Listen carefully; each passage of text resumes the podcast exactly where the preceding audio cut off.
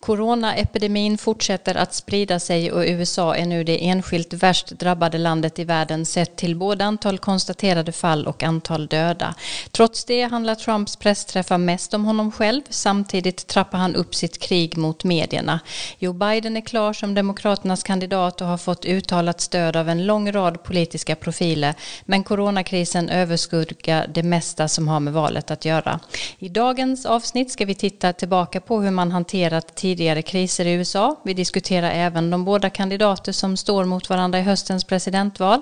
Går det att säga något om vem som har störst chans nu när förutsättningar förändrats så dramatiskt? Ni får också veckans Trump och ett nedslag från Illinois om hur livet där ser ut just nu. Varmt välkomna till Amerikanalys, podden med fördjupande samtal om amerikansk politik och samhällsutveckling. I have a dream that one day this nation will rise up and live out the true meaning of its creed. This is a place where you can make it if you try. This is a country where anything is possible, no matter who you are. We do big things. Together, we represent the most extraordinary nation in all of history. What will we do with this moment? How will we be remembered?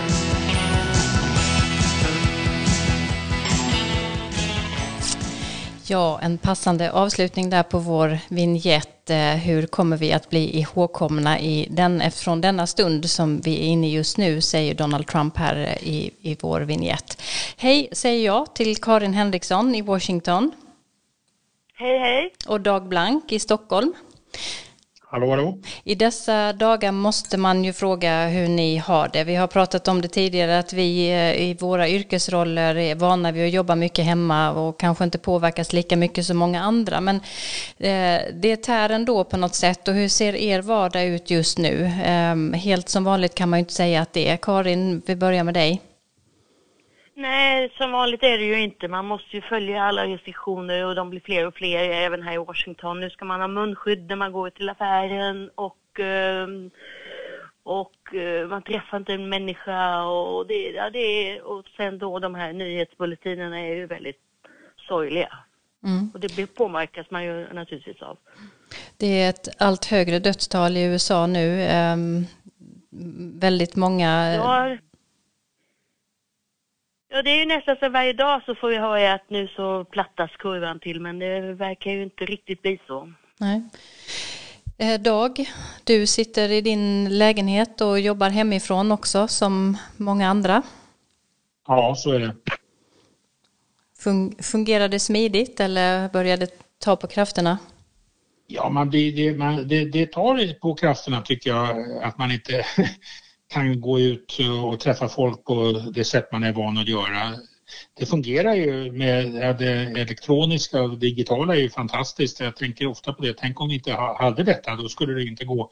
I universitetsvärlden så har ju undervisningen gått över till distansundervisning och över internet och det har, tycker jag, gått förvånansvärt bra. Studenterna, de är ju så digitala och teknologiskt avancerade så för dem var det mycket lättare tror jag än det var för oss lärare. Mm. Ja, själv sitter jag ju också hemma eh, och jobbar hela tiden, eh, vilket jag inte heller är ovan vid.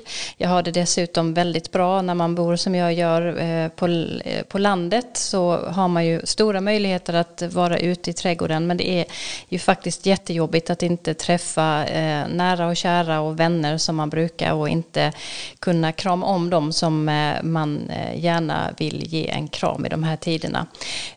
men en sak man kan göra Eh, är ju faktiskt att frossa i tv-serier, dokumentärer och filmer eh, utan dåligt samvete. Eh, vad tittar ni helst på om vi skulle tipsa våra lyssnare lite om serier och annat som belyser just amerikanskt samhällsliv och politik? Karin, har du några förslag på det? Ja, i dagarna så är det premiär för en ny serie som heter Mrs America och den handlar ju om Phyllis Schleffler som var en slags eh, konservatism, den moderna konservatismens eh, drottning kan man säga. Och eh, den här serien kommer inriktas mycket på hennes eh, mycket framgångsrika kampanj mot ett eh, jämställdhetstillägg till eh, författningen, Equal Rights Amendment. Och alla feministerna från den eran är också med, Betty Friedan och Gloria Steinem och eh, den, är, den blir spännande. Mm. Jag ser mycket fram emot att titta på den själv. Jag har inte börjat på den ännu men den fick mycket bra kritik eh, både i kulturnyheterna på P1 i morse och också i DN så att eh, den är nog väldigt sevärd. Eh, Dag, har du någonting som du tycker man ska titta på när man nu har lite tid över? Ja, jag tycker man ska titta på tv-serier och filmer som behandlar amerikansk politik. Det kan man aldrig få nog av och då finns det två saker jag vill rekommendera. Först världens bästa tv-serie, West Wing, om man kan få tag på den, det kan man säkert. Den finns ju där ute. Den tyckte jag var enormt bra och den kan man se hur många gånger som helst. President Bartlett och alla som jobbade kring honom. Och sen tycker jag man ska se en film som på engelska heter Primary Colors på svenska Spelets regler. Det är baserat på en roman som heter Primary Colors av Joe Klein, Newsweek-journalisten som är en för, lite förtäckt berättelse om Clinton-kampanjen, den första Clinton-kampanjen där John Travolta spelar Clinton och Emma Thompson spelar Hillary. Den är jättebra. Och jag har ju redan eh, avslöjat någon gång att jag faktiskt inte har tittat på West Wing eh, och du brukar påpeka för mig att jag måste göra det. Så det är väl kanske hög tid nu och eh, ta tillfället i akt under denna våren och sommaren när man har mer tid över än normalt. Jag har egentligen många olika förslag på saker som jag tycker är högst sevärda och som sänds på lite olika ställen.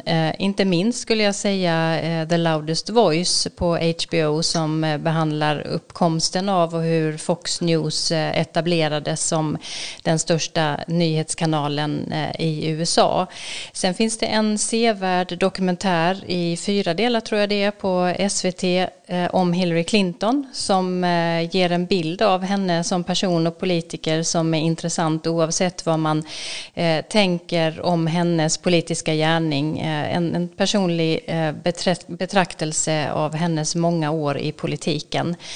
Sen finns det ett par eh, ytterligare dokumentärer på eh, HBO också om eh, pengarnas betydelse i amerikansk politik som jag tycker är väldigt sevärd. Meet the Donors där man intervjuar olika stora bidragsgivare till politikers kampanjer och hur de ser på sin roll att skänka pengar. Och sen också en dokumentär som heter Vice Special Report A House Divided som speglar mycket av den här här politiska polariseringen som finns i den amerikanska kongressen på ett väldigt ingående och eh, välgjort sätt. Ja, eh, det var lite tips att titta på. Vi kanske får eh, utlova lite tips på böcker till nästa program, tänker jag. Böcker vi har läst som också kan vara värda nu att plocka fram ur bokhyllorna eller beställa. Vi återkommer till det, men nu tycker jag att vi går över till veckans första tema. Vi har tänkt att vi ska prata lite om eh, amerikanska kriser. Eh, det har sagts många gånger redan, men vi befinner oss nu i en omfattande kris, både i världen och eh, även då ju i USA. En kris utan motstycke under efterkrigstiden och frågorna kring effekterna av denna pandemi är ju väldigt många. Men den amerikanska historien har kantats av många olika kriser och kriser av olika slag och i vårt första tema nu så ska vi alltså ta upp sådana eh, kriser genom historien. Hur de har hanterats, hur de har påverkat olika presidentperioder och presidenternas eftermäle och vilka konsekvenser som de har fått. Och kriser kan ju se väldigt olika ut. Vissa är politiska, andra diplomatiska eller militära och andra ytterligare andra är ekonomiska. Vi ska ta några få exempel här. Karin, kan du säga något inledande om vilka presidenter som ställts inför särdeles hårda prövningar historiskt? Ja, man kan ju faktiskt säga att det började med George Washington, eh, för han skulle ju se till då att det här nya landet, den nya republiken hölls ihop och skulle klara påfrestningarna utifrån, både inifrån och utifrån som faktiskt höll på ganska länge. Sen kan man nämna i synnerhet eh, James Madison som ledde landet i kriget 1812 när britterna satte Vita huset i brand naturligtvis Abraham Lincoln som ju höll ihop, eller ska man säga, alltså lagade unionen efter sydstaternas eh, utbrytande i ett fyra år mycket långt och mycket blodigt inbördeskrig. Och sen kom ju de två världskrigen under 1900-talet med presidenterna Woodrow Wilson och Franklin Roosevelt. Och eh, Roosevelt är ju värt ett särskilt omnämnande för att han hade ju, kan man säga, genomlevt tre svåra kriser i sitt liv. Först och främst så drabbades han ju av polio som ganska ung och sedan så tillträdde han ju 1932, alltså ett par år efter det att eh, den djupa 30-talsdepressionen bröt ut efter börskraschen 1929. Och sen då andra världskriget med strider på två fronter i Europa och Asien och med en då eh, osannolik mobilisering av såväl folket som industrin. Och eh, det där är intressant just nu för att Donald Trump har ju utnämnt sig själv till en krigspresident och eh, det är lite grann mot den bakgrunden som man följer vad han gör just nu. Och de flesta skulle nog säga att han definitivt inte är någon FDR. Och det, de diskussionerna just nu som förs då om tillverkning av munskydd, respiratorer, fältsjukhus och intensivvårdplatser nu är visserligen viktig men kan inte riktigt mäta sig med vad som skedde då på 1940-talet under kriget. Där det var liksom flygplan och stridsvagnar rullade ut från fabrikerna. Mm.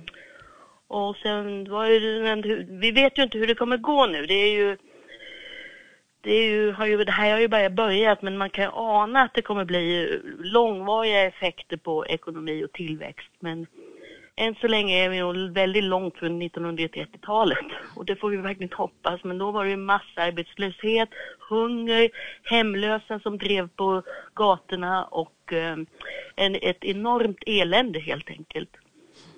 Och sen har det ju varit en ekonomisk kris till som vi kanske kan ta upp kortfattat och det var ju, den har vi ju många av oss själva var med, nämligen för drygt tio år sedan, 2008 och 2009.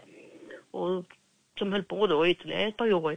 Och då, den gången, så råkade det vara så att eh, centralbankschefen Ben Bernanke, han hade studerat 1930-talsdepressionen så att han hade en idé om vad som skulle kunna hända och hur man skulle kunna tackla den här krisen och det gjorde de ju också får man säga.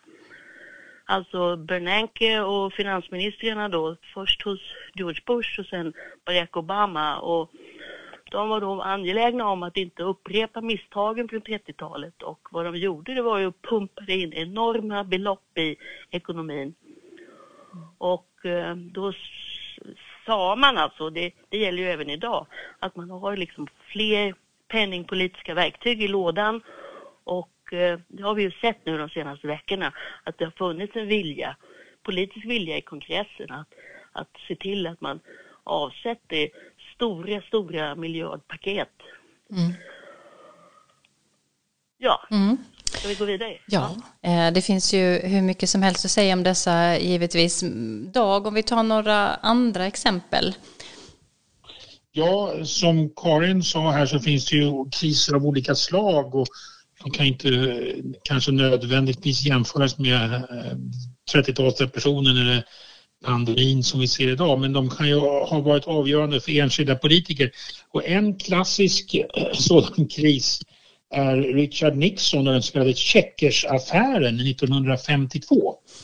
Den är nog inte jättemånga svenskar som känner till. Vad handlade den affären om?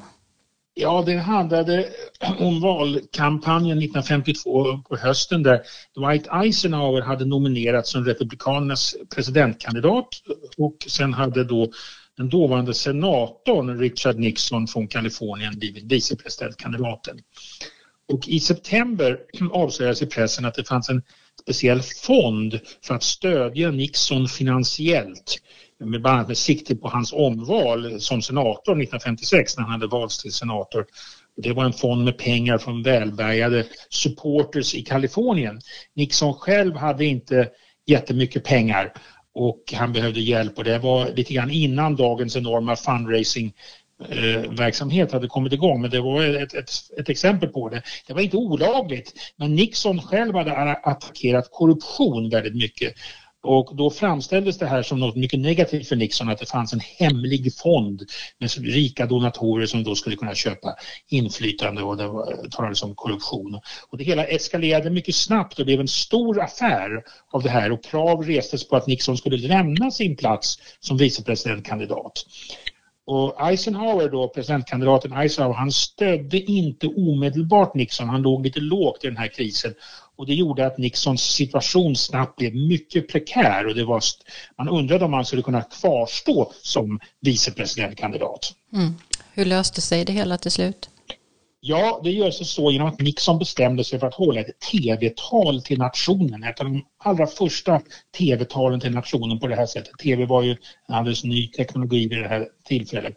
Han köpte då tv-tid och under en halvtimme talade Nixon till nationen. Man räknar med att eh, närmare 60 miljoner personer lyssnade eller tittade på detta tv-tal och det var den största publiken någonsin dittills. Och talet är en stor framgång för Nixon. Och det man mest minns är formuleringarna om att han minsann inte hade försökt sko sig eller tagit emot några hemliga pengar från donatorer. Det fanns ingen korruption. Och hans hustru Pat satt jämte honom på scenen och Nixon sa att hon minsann inte hade någon minkpäls som rika personer hade. Hon bad en, en, hade en vanlig republikansk kappa, a respectable republican cloth coat. Den mest kända delen av talet är Nixons referens till en cocker som familjen hade fått från en sympatisör i Texas när denna sympatisör hade hört att hans flickor då ville ha en hund. Och det var en svart och vitspräcklig hund som hans yngsta dotter gav namnet Checkers. Alltså det var checkt och spräcklig. Men då sa Nixon att den här hunden ska de aldrig lämna tillbaka oavsett vad alla, alla sa. Vi kommer behålla Checkers. Jag tror att vi kanske har en ljudillustration till detta om Checkers-uttalandet. A man down in Texas heard Pat in the radio mention the fact that our two youngsters would like to have a dog. And believe it or not, the day before we left on this campaign trip, we got a message from the Union Station in Baltimore saying they had a package for us. We went down to get it. You know what it was? It was a little Cocker Spaniel dog in a crate that he'd sent all the way from Texas. Black and white, spotted. And our little girl, Tricia, the six-year-old, named it Checkers. And you know, the kids, like all kids, love the dog. And I just want to say this right now, that regardless of what they say about it, we're going to keep him. Ja, har du någonting avslutningsvis att säga om den här affären Dag? Ja, det, vände, det här talet vände alltså. Efter det talet så fick det mycket stor framgång för Nixons sympati för honom och då gick Eisenhower ut och sa att han skulle minsann behålla Nixon på eh, som sin vicepresident och, och krisen avvärjdes. Och hade Nixon så att säga blivit förlorat sin plats på vice, som vicepresidentkandidat där, det hade kanske hans politiska karriär tagit en helt annan vändning. Mm. Innan du ska få gå vidare med något mer exempeldag så tänkte jag fråga dig Karin, vi släppte lite snabbt där Franklin D. Roosevelt bland annat som du pratade om. Hur ser man på honom så här i efterhand eh, och, och, de kriser han tog eh, eh, USA igenom under den här svåra tiden på 30-talet och 40-talet? Ja, alltså de flesta anser ju att han tillhör USAs absolut främsta president, eh, typ eh, nummer tre eller fyra eller så. Men i dagens eh, granskning så klart att det kommer fram andra saker och det är väl många som gissar att han inte skulle ha blivit omvald 1940 om det inte var för kriget i Europa. Mm. Och Eh, och sen så, men alltså det, det, det, är en stor beundran för honom som person att han, att han klarade de här eh, enorma utmaningarna. Dels på ett personligt plan och sen då i, eh, i, i landet. Och inte minst under 30-talsdepressionen då när han, han, det första han gjorde så var det att tala till folket och eh, på ett vänligt och förtroendegivande sätt. Och hans personlighet överhuvudtaget var lämpad för de här krisåren. Han ingöt optimism helt enkelt. Mm. När det gäller president Obamas sätt att hantera den ekonomiska krisen 2009 och framåt så är ju meningarna mer delade men det hör ju också ihop ihop med det väldigt polariserade politiska läge som, som finns just nu, eller hur? Ja, alltså det, det, det är ju en kvarvarande bitterhet över att pengarna gick till storbanker och storföretag. Och alltså i synnerhet då till exempel ett, ett stort försäkringsbolag. Och liksom att investerarklassen så att säga då faktiskt gick ganska oskadd ur det hela. Även om bankerna sen fick betala tillbaka det mesta, men det, det talades man inte, talade man inte så mycket om. Men det, det, det förfärliga var ju alla tiotusentals människor som fick gå ifrån sina hem när de inte kunde klara sina lån. Och det där har inte gått över. Men eh, Obama, ja, han, det, det, det hör ju till saken det också. Han vill ju ha ett mycket, mycket, mycket större stimulanspaket när han tillträdde. Det fick han inte igenom kongressen så det finns mycket att säga om det också. Mm. Eh, Dag, har du några fler exempel eh, på kriser som du tycker är värda att nämna? Ja, vi kan ju tala om Kubakrisen när världen stod på randen till ett kärnvapenkrig under en vecka i oktober 1962 när John F Kennedy satt i Vita huset. Och det sättet som han hanterade den krisen som ju avlöpte lyckligt, det blev ju inget kärnvapenkrig. Den brukar framföras som ett studieexempel i hur man fattar beslut och hur man man jämför med eh, Bay of Pigs, Grisbukten, den första Kubakrisen så att säga, som man ärvde som blev ett misslyckande för USA. Men när Kubakrisen sen i oktober 62 kom så lyckades man avvärja krisen skickligt och det var, handlade mycket om beslutsfattandets eh, teknik där. Bland annat så kommer det här Ehm, uppfattning om group thinking. Jag vet när jag studerade i USA många år sedan fick vi läsa böcker om det när man läste statskunskap. Och group thinking innebär att Kennedy förstod att man skulle ha många olika åsikter i rummet. Man skulle inte bara ha en åsikt och framförallt skulle inte presidenten själv vara närvarande under diskussionerna för det skulle kunna lägga sordin på stämningen och man skulle inte våga eh, tala och säga vad man tyckte. Så han var mycket noga med att många olika åsikter skulle brytas menar Eh, de som har studerat eh, den, den delen av det. Och eh, det var ju lyckligt, det avlöpte ju lyckligt. Ja, det finns ju en generation av svenskar, mina föräldrar tillhörde den. De kunde aldrig se något negativt till John F Kennedy för de var så väldigt präglade av Kubakrisen och att han räddade världen från ett kärnvapenkrig. Mm. En annan kris som gick sämre var gisslankrisen i Teheran 1979 till 81. Karin, vad, vad, kan man säga om, om den krisen? Ja, jag minns särskilt en replik av Jimmy Carter långt senare när någon frågade honom, Nå, varför förlorade du valet den där gången 1980? Var det ekonomin eller var det ayatollorna? Och då svarade han med ett leende faktiskt, det var nog ayatollorna. Mm. Men han, eh, Jimmy Carter hade ju segrat 1976 som en, eh, i valet som en reaktion på en med skandalerna under Richard Nixon och efterträdaren Gerald Ford som ju tyckte att det var nödvändigt att benåda Nixon för landets framtid, för lugnet i landet. Men det var ju väldigt kritiserat redan då och bidrog ju till att inte han blev omvald i sin tur. Eller vald kan man kanske säga, för han var ju inte vald som vicepresident. Ja, det där är en annan historia som vi kan gå in på. Men eh, Carter då, marinofficer, fysiker, jordnötsfarmare och söndagsskollärare samt guvernör i Georgia. Han framstod som någon som skulle kunna städa upp och, och återställa moralen som man brukar säga. Men det var lågkonjunktur, oljekris, inflation och i Teheran så störtades USAs gamle vän shahen av fundamentalistiska muslimer. Och eh, studenter stormade då den amerikanska ambassaden och tog 66 amerikaner som gisslan. Och Carter försökte med fritagning, det gick väldigt illa. Och eh, hösten 1980 när det var val igen så såg han väldigt trött och sliten ut efter att allt hade misslyckats. Det gick inte att få loss de här fångna, fångna amerikanerna. Och Ronald Reagan, utmanaren som hade varit filmstjärna, tv-värd och guvernör i Kalifornien, han vann med en av de största marginalerna i elektorskollegiet någonsin. Och dagen efter maktskiftet 1981 i januari så släpptes gisslan. Men relationerna med Iran har ju aldrig blivit aldrig återställt eller blivit bra på, minst, på något sätt. Nej, nej, de lever man ju verkligen nära fortfarande idag. Ehm, den kanske största krisen i USA de senaste decennierna är terrorattackerna mot New York och Washington 2001 och den kris som fått mycket långtgående konsekvenser också.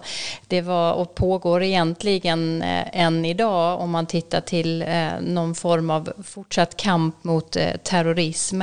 Det var första gången 2001 som USA blev attackerat på sitt eget territorium sedan Pearl Harbor och det uppfattades ju som en attack mot hjärtat av den amerikanska makten, både den ekonomiska och politiska makten. Och det ledde fram till ett omfattande krig mot terrorismen eh, som inkluderade en invasion av Irak eh, ett par år senare och till USAs längsta krig någonsin det i Afghanistan. Men den här händelsen reformerade även hela säkerhetsapparaten och innebar en omfattande kraftsamling på på i stort sett alla fronter. Amerikanerna eh, slöt ju inledningsvis unisont upp bakom president George Bush eh, som är en av förklaringarna till att han återvaldes för en annan period. Eh, man, att man hamnade mitt i, i det här kriget. Men kriget emot terrorismen skulle senare också splittra det amerikanska folket eh, genom att det blev ett mycket kostsamt krig med förlorad moraliskt anseende och väldigt många dödsoffer som följd. Eh, att eliminera namnlös och diffus fiende så här visar ju sig eh, vara oerhört svårt trots att man då faktiskt genomförde långtgående organisatoriska förändringar. Eh, och svaren på terrorattacken blev som jag sa omfattande. Exempelvis i november 2002 så inrättades Department of Homeland Security som var ett helt nytt departement för nationell säkerhet där man slog ihop 22 olika statliga organisationer för att förbereda, förhindra och svara svara på olika kriser och särskilt fokus då på terrorism. Man skapade också ett nytt kontraterrorismcenter, man omorganiserade justitiedepartementet och FBI för att förhindra nya terrorangrepp. Man skapade också en finansiell underrättelseverksamhet som löd under finansdepartementet liksom polis, andra säkerhetsorgan, gränskontroll och flygsäkerhet förstärktes med enorma ekonomiska resurser. Under den här tiden så eh, samarbetade George eh, W. Bush med kongressen. Man fick igenom och skapade fyra nya omfattande lagar för att hantera kampen eller kriget mot terrorn. Den mest kända är The US Patriot Act som gav regeringen och rättsapparaten långtgående möjligheter att exempelvis avlyssna telefoner, läsa e-post, reglera ekonomiska transaktioner, deportera invandrare som misstänktes för terrorism men också häkta och hålla misstänkta inlåsta utan rättslig prövning under obestämd tid. Den här lagen har kritiserats med en fas från både människorättsorganisationer men också många jurister i USA som menade att det stred mot grundläggande amerikanska rättsprinciper. Många andra har menat att lagen var nödvändig i kampen mot ett nytt hot som man hade ställts inför genom terrorattackerna. Eh, mindre känt kanske för många är att Pentagon också direkt efter attackerna inrättade Office of Strategic Influence med syfte att bedriva kampanjer baserade på infiltration och sprida information till medierna och på internet inför kommande militära operationer. Man hade också inrättat i Vita huset 2002 eh, The White House Iraq Group som hade till uppgift att sälja kriget mot Irak till folket och få opinionen med sig. Men det är kanske kriget mot eh, Afghanistan som inleddes redan i oktober 2001 som en vedergällning mot terrorattackerna och Irakinvasionen i mars 2003 som är mest kända för omvärlden.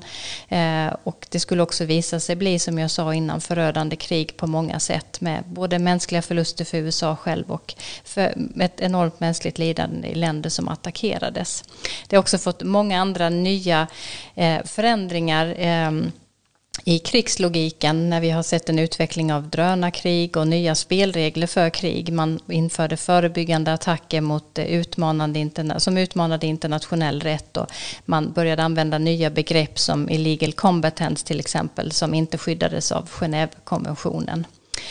Ehm, så hur USA mötte hotet från terrorismen och utformade sitt svar kan man givetvis ägna flera egna program. Men inte minst så visar ju den här reaktionen att man har en omfattande förmåga att agera och omorganisera vid behov. Och George W. Bush och hans administration, också med Dick Cheney kanske som en eh, framträdande profil i detta, jobbade mycket effektivt eh, för att eh, förändra mycket av systemet för att hantera olika hot.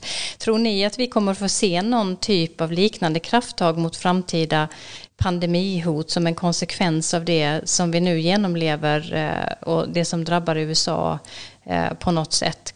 Karin, vad säger du om det?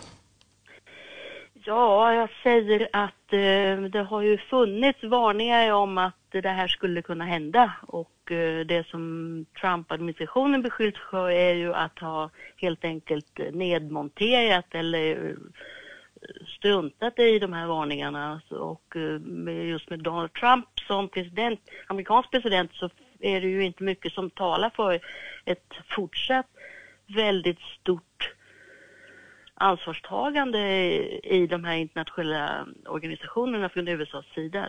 Jag har sett folk som har sagt att det här är första internationella krisen, i alla fall hälsokrisen, där USA inte har tagit på sig en, en ledande roll. USA är ju no normalt väldigt generös i sådana här lägen. Med, det märktes ju inte minst under ebola där Obama nästan personligen var inblandad i att se till att det inte skulle att det skulle spridas så lite som möjligt lokalt och definitivt inte internationellt. Mm. Och man är också väldigt duktig på katastrofhjälp eh, i sådana här lägen ju, eh, med en väldigt stor och välfungerande apparatur ofta som, som träder in. Visst, det är ju militären som finns i bakgrunden också där. De, de har visat att de kan flytta allt möjligt mm. väldigt snabbt.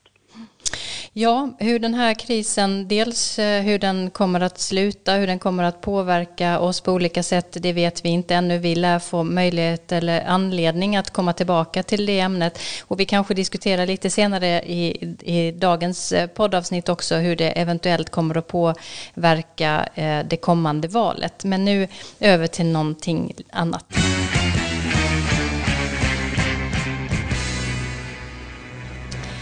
Ja, vi ska få en liten bild av eh, läget i delstaten Illinois. Tidigare i veckan pratade jag med Kate Treadway som är studierektor för och undervisar vid en sjuksköterskeutbildning inom College of Nursing vid University of Illinois. Och hon gav sin bild av hur läget ser ut där hon bor och i delstaten i sin helhet. Jag började med att fråga Kate eh, hur läget ser ut där hon är just nu. Well, I'm calling in, talking to you from Rock Island County um, in Illinois, in the U.S. And here, I even in preparation for this conversation, I, I, I checked this morning, and we have in this county 113 cases of COVID, and we've had three deaths. Um, we're located on the western side um, of the state of Illinois, maybe about three hours away from Chicago and our counties are part metropolitan and part rural. So we aren't seeing um, the spike in cases like they are in Chicago. Chicago is the hotspot for Illinois, and there are numerous uh, cases there and, and numerous deaths. Um, so right around where I am, we are all practicing social distancing. Um, our governor of our state was very proactive, so early on before um, many of the states declared the stay-at-home order and closed um, the restaurants and, and any place where people gather. People seem to resp- be responding quite quite well. How is the medical system where you are holding up? Uh, are there special problem areas? Not in Rock Island County. Um, again, the the spread here is is slow, and and the peak numbers are not yet overwhelming the system. Um, that's a much different story in Chicago. Um, I teach for the University of Illinois at Chicago in their College of Nursing. Students that um, I have in class are nurses working in the hospital systems there, and they are very, very affected in Chicago. The Chicago system, it's it's it's seen progress now. The numbers um, are declining. Um, we're not having as many cases per day or um, we're still seeing high numbers of deaths per day in Chicago. Those are, of course, um, the numbers of people who have been ill for some time, been on ventilators for a long time, a couple of weeks, um, are sadly dying. And so the death numbers continue to be high, though we are seeing some tapering in the new cases numbers. But nurses, physicians, uh, nursing assistants, technicians, janitors, housekeepers, anybody working in the hospital systems that are overrun with patients like Chicago, like New York, like uh, New Orleans. There's a number of hotspots uh, in the United States. Those people are exhausted. They're working extra shifts. They're in danger to exposure. Um, many have become sick, and I did check this morning, and sadly, we've lost 27 healthcare providers or hospital employees, janitors, food workers, um, and the like in, in the country. And, and to a nurse, that's a very, very sad st- statistic. As well. You, you did mention uh, the governor in Illinois, but how do you think that the political leaders in your area have handled the crisis? Oh, I, I think in Illinois that we they've done a very good job. So it's Governor Pritzker here, and um, he reacted early uh, and did some made some hard decisions. I mean, he was one of the first governors to uh, lock down the state, to put in place the stay-at-home orders, and and of course, staying at home isn't so hard, but the shutting down the restaurants and the the bars and the uh, live events and the schools and all those were hard decisions um, made at a time when it wasn't yet um, so clear to people in general that this was a catastrophe yet that it has become. So he took some flack for that, but it was the right decision. And it, it is probably the reason why we're, we're not seeing more spread throughout throughout the state. Mm. You know, we have some other large metropolitan areas that do have cases, but but nothing like what Chicago has experienced. For example, Rockford or Peoria or Springfield, they certainly have cases and they are caring for people, but not in any kind of um, uncontrollable or un, unsustainable numbers.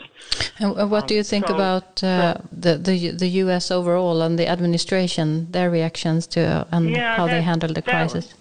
yeah, that one's tougher. Um, I I you know, it's it's no news. This is it's commonly reported that that the United States did not react early enough. We didn't prepare early enough, and um, you know we can fault the administration. It's that's easy to do, um, but I I do wonder. You know, a worldwide pandemic wouldn't be easy for any administration.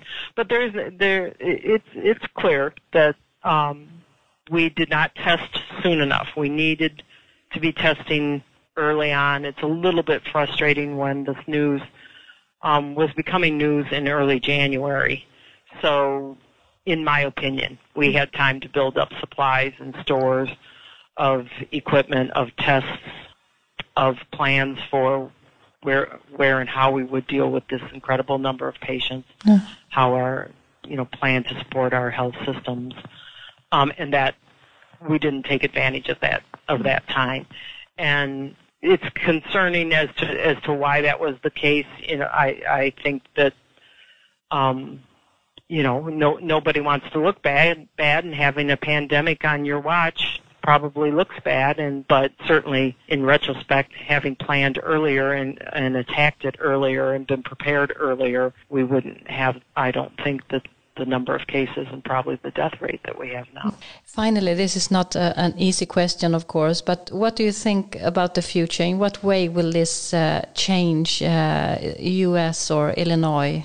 Well, I, you know, there, I, I think there are some opportunities to, to learn from this. You know, we, we'll we'll see the impact it's had on our most vulnerable populations and possibly for the United States be be a stimulus then for more universal health care um, options for everyone. Um, it might be a stimulus for us to finally deal with our homeless populations and our disparities in health for underrepresented underrepresented minorities. Um, it might give us a clue as to what to do with our prison population. You know, they are they are much affected um, maybe some some investigation into um, w- how we can make improvements in our elder care. Um, our nursing homes have been hard hit. Our long-term residence centers. I think a, a big outcome from this might be an opportunity to see the, what what have we done to our climate that in a month of making people stay home, the the improvements to our environment is, are are so drastic. Um, there's certainly opportunity for changes in things like telehealth. You know that that's an idea that's been around for a long time, but but never has really moved to its potential. But now, since everybody's distancing, everything's being done over Zoom and a variety of telephone calls and and a variety of media that we may see um, a new use of, of, that, and that might um, take some load off of our medical systems. Well, I you know, and then I, I wonder about um, opportunity for countries to care for each other. I'm discouraged by the announcement yesterday that the United States is going to draw back its support of WHO, of the World Health Organization. I think that's probably not a wise move in the middle of a global pandemic. Um, so, uh, what I would hope for is that, that this stimulates us to more towards, I mean, to world love. You know that that we we've all experienced this you know, we all have something in common now. Can that can that be the the point from which we grow in in commonality and universality and and union? Yeah, there's definitely so many things to discuss after this and probably change in a better way. Uh, thank you so much for joining us in this podcast and uh, stay safe and take good care of yourself and your family. And to Ja, det var minst sagt många olika områden som identifierades här som eh, eh, framtida behov att eh, ta hand om och se över. Nu går vi över till någonting annat.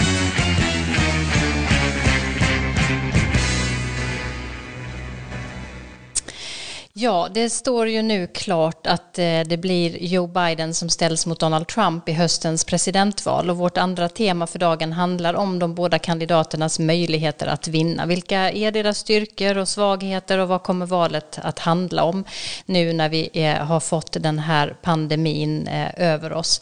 Trump behöver ingen närmare presentation men inte alla vet så mycket om Joe Biden.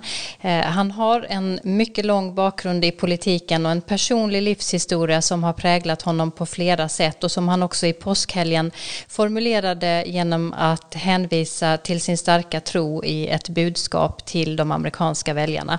Biden var den första vicepresident faktiskt som tillhör den katolska kyrkan och här hör vi som sagt ett ljudinslag från påsk. This week marks some of the most sacred days of the year for many people of faith, from Passover to Holy Week, symbols of spring and renewal and rebirth. These days, I think a lot about the words written by the philosopher Kierkegaard. He said, Faith sees best in the dark. And Lord knows these days are dark days in this nation and across the world. I know how true those words have been in my own life. Faith would help me get through the loss of my wife and daughter in a car accident some 47 years ago, and through the loss of our son Bo to cancer in 2015. And for many, faith will help us get through this crisis that grips this nation today. Ja, Joe Biden han kommer från Scranton, Pennsylvania men flyttade till Delaware i mitten av 1960-talet för att studera juridik. Han praktiserade som advokat i ett par år innan han första gången blev invald i den amerikanska senaten för att representera Delaware 1972. Han blev sedan omvald inte mindre än sex gånger vilket gör honom till en av de senatorer som har suttit allra längst i den amerikanska senaten. Men för den svenska publiken är han troligen mest känd som Barack Obamas vicepresident eh, som han var mellan åren 2009 till 2017. Det här är hans tredje försök att själv bli USAs president. Han är eh, en moderat mittendemokrat, respekterad och framgångsrik. Men hans liv har också kantats av flera familjetragedier. När han precis hade blivit invald i senaten 1972 omkom hans första fru och deras dotter i en bilolycka och Biden fick sväras in i senaten från sjukhuset där deras båda söner också som hade överlevt kraschen vårdades. Som ensamstående far pendlade han varje dag med tåg mellan Wilmington där han bodde och Washington DC. Han gifte om sig 1977 med Jill Biden och de fick också en dotter. 2015 drabbades Joe Biden av ännu en familjetragedi när hans eh, ena son dog i sviten av en hjärntumör, vilket också var skälet till att Joe Biden inte ställde upp i valet 2016. Hans tragiska familjehistoria präglar hans politiska engagemang och också hans framtoning på flera olika sätt. Ja, Karin och Dag, vad kan man säga om Joe Bidens politiska karriär? Vad har varit mest utmärkande eh, och hur påverkar hans politiska track record honom idag? Dag? Ja, det är den långa erfarenheten som du, som du poängterade där, att han valdes ju redan första gången 1972, samma år som Nixon omvaldes alltså. Han har varit med om den moderna amerikanska historien. Och det betyder att det finns ett track record, han har mycket att försvara så att säga.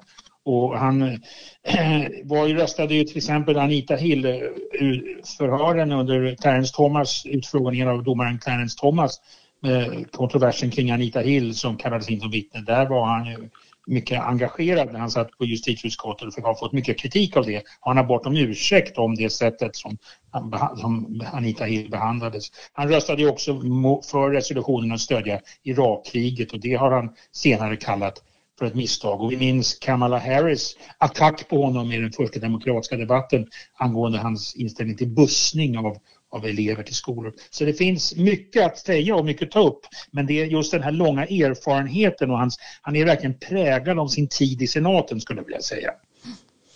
Karin? Ja, nej, det är bara att fylla på lite vad Dag sa, att det finns ju en del att gräva i och uh, den här Anita Hill-historien lär ju dyka upp igen, även om, uh, om Biden bad om ursäkt har hon ju inte riktigt godtagit den. Och eh, en del svarta är ju också upprörda över att han stod bakom den hårdare eh, ja, kriminal, vad ska man kalla det för, kriminalpolitiken som fördes då på, på 80-talet. Och eh, sen finns det just nu, rullas det upp en sextrakasserihistoria. En kvinna som anklagar Biden för att ha gjort närmanden till henne.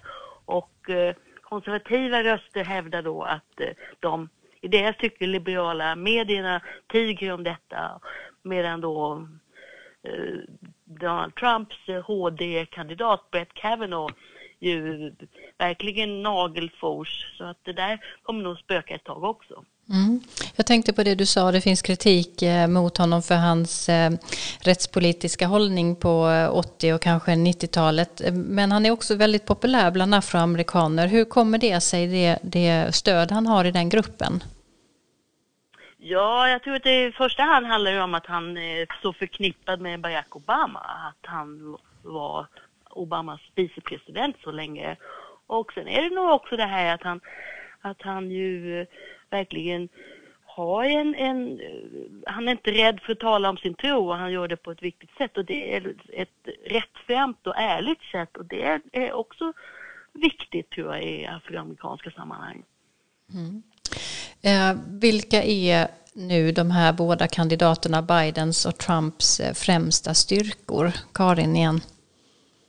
Ja, alltså då skulle man säga, om man går tillbaka till Barack Obama så valde han ju Biden därför att Biden var så erfarenhet eh, även på utrikespolitiska området och eh, Obama skickade ofta Biden till kongressen när det verkligen skulle förhandlas om riktigt svåra frågor.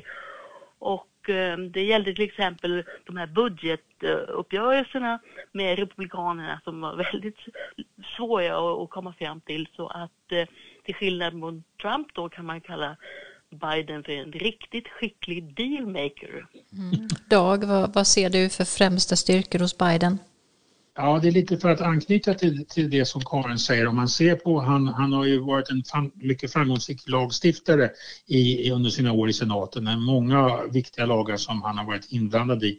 Och man kan också säga, jag läste en mycket intressant analys här i, av, av Ezra Klein om eh, Biden som en sorts riktig förhandlare, precis som Karin säger att han är en person som är van att förhandla och vill förhandla. Och till exempel nu eh, samspelet med Sanders, den här eh, livestreamade Eh, presskonferensen de hade tillsammans när de talar med varandra och han är mycket, lyssnar mycket noga på vad Sanders säger och bjuder nu in Sanders och Sanders-väljarna att kunna påverka eh, hans eh, kampanj och hur den ska läggas upp så att säga.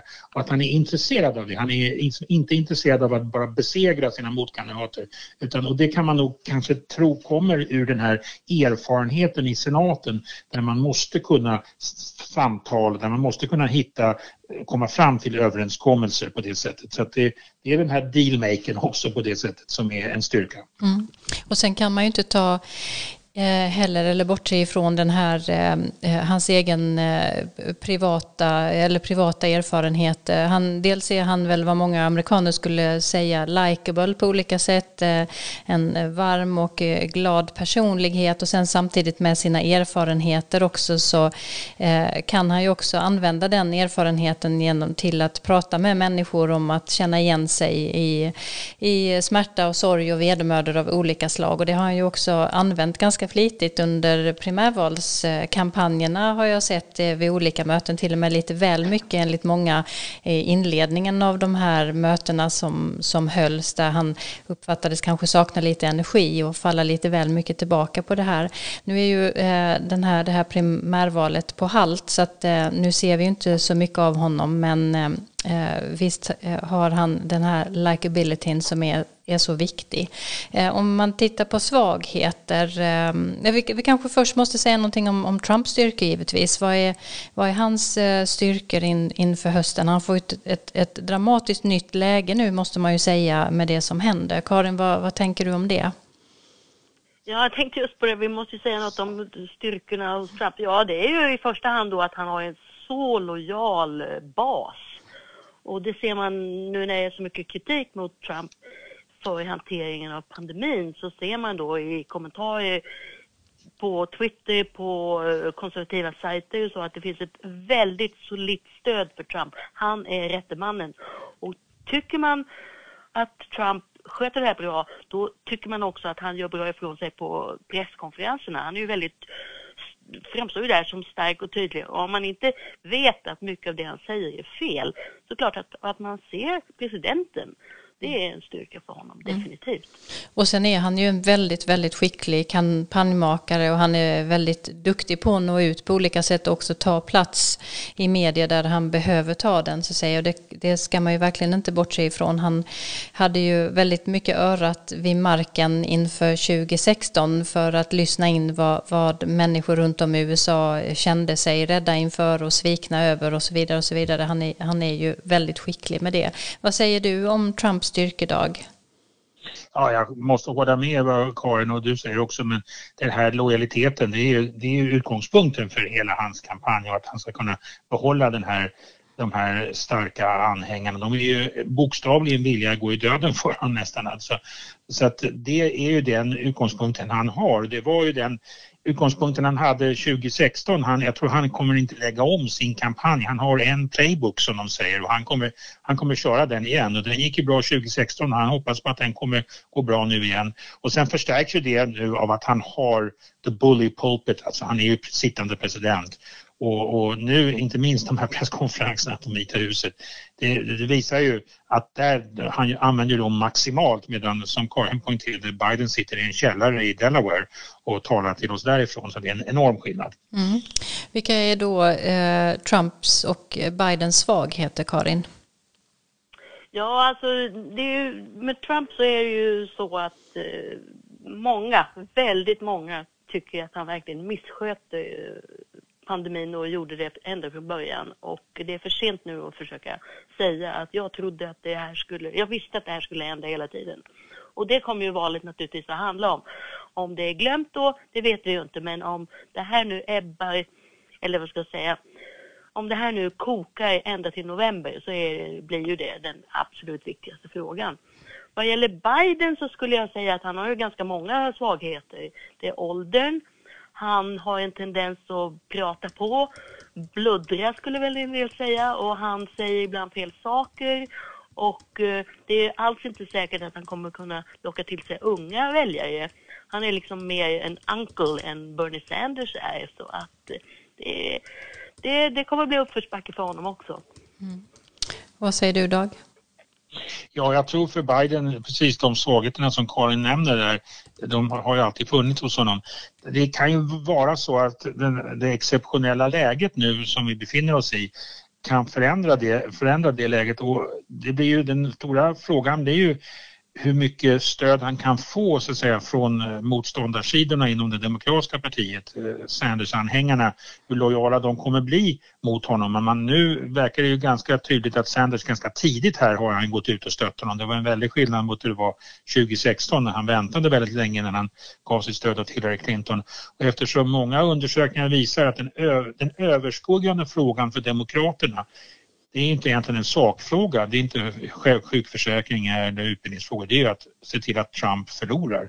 Så nu finns det ju bara ett sätt att gå framåt och det är att stödja Biden. Mm. Vi, ni, ni, har nämnt båda två um vilka väljare som eh, Trump ju når bäst fram till. Vilka är, är Bidens eh, viktigaste målgrupper här? Vi har pratat om den afroamerikanska befolkningen som ju han eh, har till stor del på sin sida. För finns det mer sådana här kritiska grupper som, som Biden måste nå, Karin? Ja, alltså man talar ju ofta om den så kallade Obama-koalitionen som då bestod av svarta, kvinnor, unga, olika andra minoriteter, inklusive sexuella minoriteter. Och eh, det är ju möjligt att det är bara Barack Obama som kan, faktiskt kan ena alla de här bakom sig. Men det vet vi ju inte. Det har ju varit jättespännande att se den här veckan hur eh, först eh, Bernie Sanders, sedan Barack Obama och sedan Elizabeth Warren ställde sig bakom Biden och även har det varit eh, intervjuuttalanden från Alexandria Ocasio-Cortez, den här unga kongresskvinnan som är någon slags symbol för den nya vänstern. Att hon alltid har poängterat att hon tänker stötta den kandidat som partiet utser. Så det, är, det är en bra utgångspunkt för Biden men han behöver också det för att det, han ligger efter när det gäller pengar och eh, jag tror inte att vi ska underskatta Donald Trumps eh, hela digitala maskineri och hans jättestora kassakista. Nej, eh, och jämför man med Bernie Sanders så har ju inte Biden haft den här riktiga energin och samlat stora skaror eh, under eh, hösten och inledningen av vintern här. Så han har ju mycket att bevisa så att säga för de grupper som du nämnde Dag som har stött Sanders helhjärtat. Han är ju också ganska svag i debatter, eller hur Dag?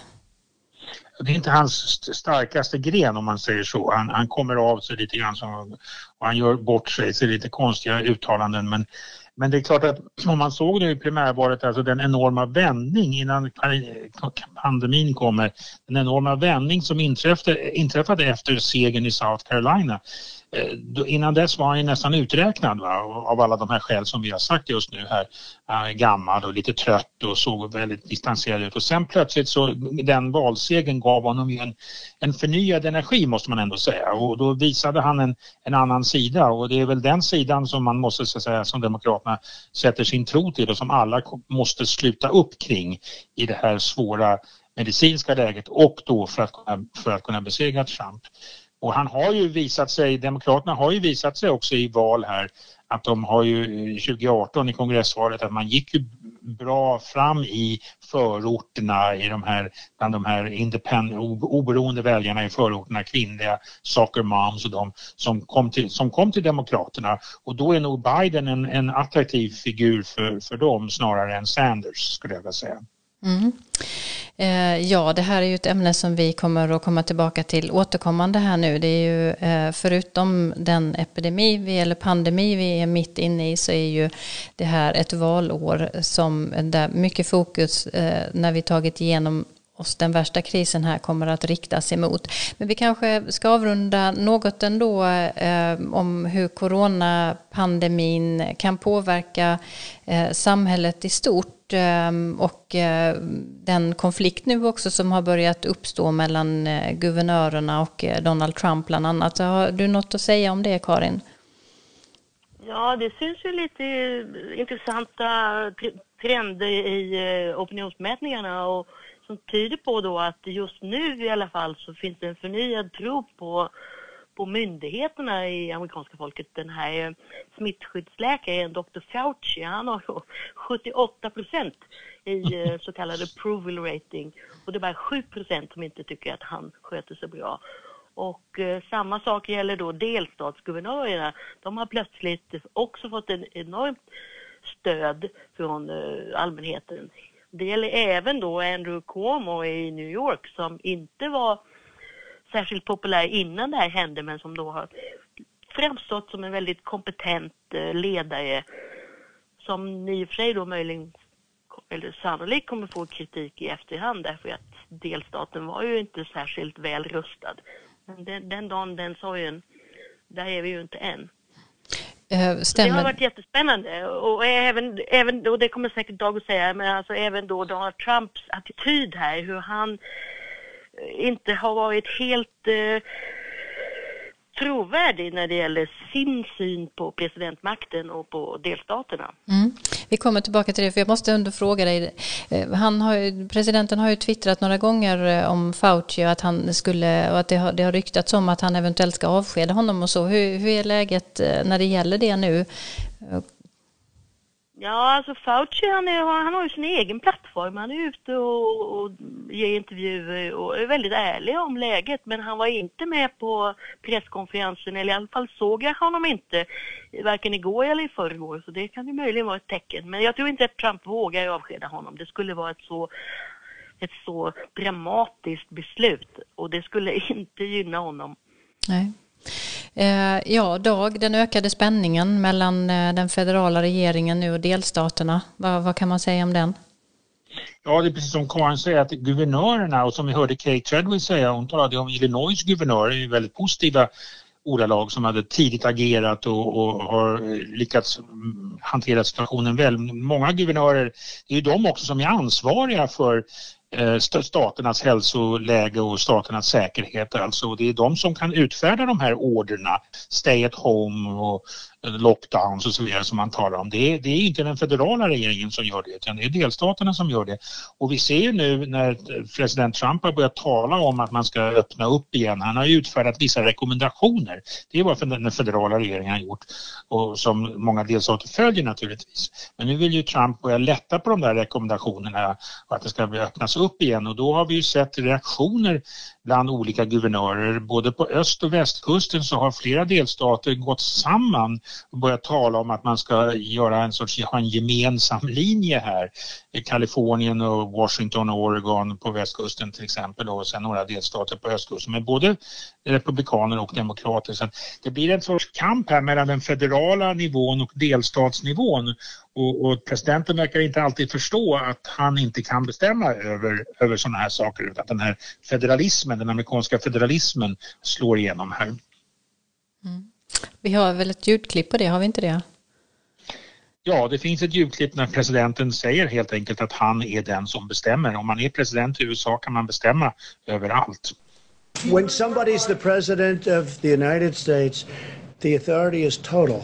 And that's the way it's got to be. Total. Your authority is total. It's total. It's total. And the governors know that. So if a, if a the governors know that. Now you have a couple of bands of, of excuse me, excuse me. You have a couple. Uh, could you rescind that order? You have a couple of bands of uh, of uh, Democrat governors, but they will agree to it. They will agree to it. But uh, the authority of the President of the United States having to do with the subject we're talking about is total. Ja, vad tror vi om detta framåt? Dag? Ja, det, där, det där har ju, han, har, han har väl nog lite, lite backat från det där för alla har sagt till honom att det är fel. Läs den amerikanska konstitutionen så fungerar det inte. Men det visar ju faktiskt Trumps um, oerfarenhet som politiker. Vi minns när han just hade tillträtt, när han utfärdade de här inreseförbuden för personer från muslimska länder, muslimsdominerade länder. Och där trodde han att han skulle kunna göra det helt som han ville och där fick han ju backning av domstolarna. Då blev han ju väldigt upprörd över det och verkade inte riktigt förstå att domstolarna hade en roll att spela i det amerikanska politiska systemet. Och på samma sätt här så det är inte så att det är presidenten som har absolut makt. Det sa alla konstitutionella experter till honom efteråt. Mm. Så att det, det, och det, det, kan hända att det kan bli en kollision här mellan allianser av delstater och den federala regeringen. Mm. Återigen, det finns väldigt mycket att följa med spänning framåt i, eller med stort intresse i, i det här. Eh, när vi ändå talar om Trump, så varför ska vi inte då köra veckans Trump? Ja, vi brukar ju ha vad vi kallar för veckans Trump. Karin, du är ju vårt spanande öga i USA hela tiden när du befinner dig eh, i maktens centrum. De senaste veckorna har Donald Trump varit synligare än någonsin på dagliga briefingar som vi har hört eh, både dig, Karin och Dag prata om här från Vita huset om coronaläget. Eh, och det har ofta varat väldigt länge, ibland i över två timmar. Här är ett litet ljudexempel på vad han har sagt nyligen. The uh, WHO, that's the World Health Organization, receives vast amounts of money from the United States, and uh, we pay for a majority, a biggest portion of their money. And they uh, actually criticized and disagreed with my travel ban at the time I did it.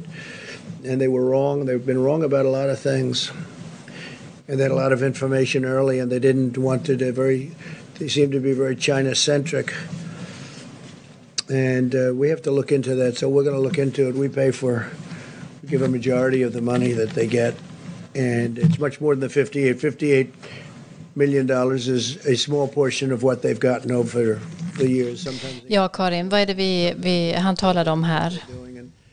Ja, man kan säga att det här var liksom den första skottet i hans krig mot uh, Världshälsoorganisationen, WHO.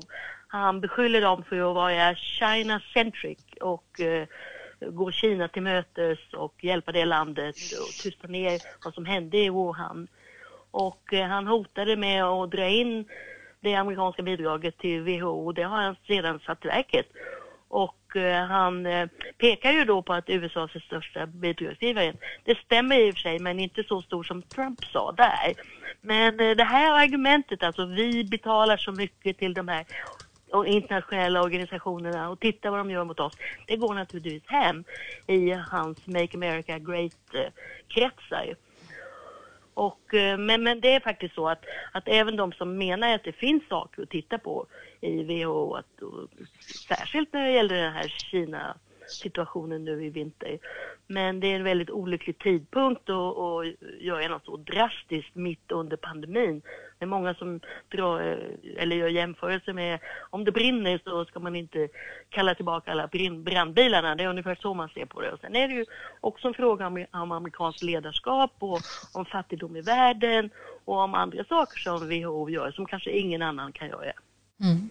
Och det har ju också som sagt fått väldigt mycket kritik. Eh, tack för det eh, Karin. Du kommer tillbaka även nästa program med lite spaningar om, om veckans Trump. Det finns ju alltid mycket att välja mellan. Vi brukar avsluta det här programmet med saker som vi tycker har fallit bort i nyhetsflödet. I de här tiderna är det ju rimligt att eh, det mesta fokus ligger på, på pandemin eh, och det världen eh, går igenom i detta. Men det pågår ju också mycket annat. Om vi väldigt kort avslutningsvis ska säga någonting om vad är det som har fallit bort Eh, i detta flöde. Eh, Karin, igen, har du något? Ja, jag tror jag har sagt det här förut. Det är ju den pågående Trumpska energi och miljöpolitiken med nya bestämmelser hela tiden som då går tvärt vad Obama-administrationen gjorde. Nu är det tal om att man ska lindra eller lätta på bestämmelserna när det gäller utsläpp av kvicksilver och andra kemikalier från kraftverk. Mm. Dag, har du någonting eller är du absorberad av eh, pandemin? Nej, men jag tycker att eh, den här som diskussionen som vi hade just om de här konstitutionella dimensionerna, det, kampen mellan delstaten och den federala regeringen är mycket intressant och väl värt att hålla ögonen på om vad, den här krisen så säga, leder till av, av sådana effekter. Mm. Stort tack för idag Karin Henriksson i Washington, Dag Blank i Stockholm. Tack till Johan Lindström för hjälp med ljudet och tack till er lyssnare för er tid. Ta hand om er själva och varandra. Vi är tillbaka igen den 30 april. dream that one day this nation will rise up and live out the true meaning of its creed. This is a place where you can make it if you try. This is a country where anything is possible, no matter who you are. We do big things. Together we represent the most extraordinary nation in all of history. What will we do with this moment? How will we be remembered?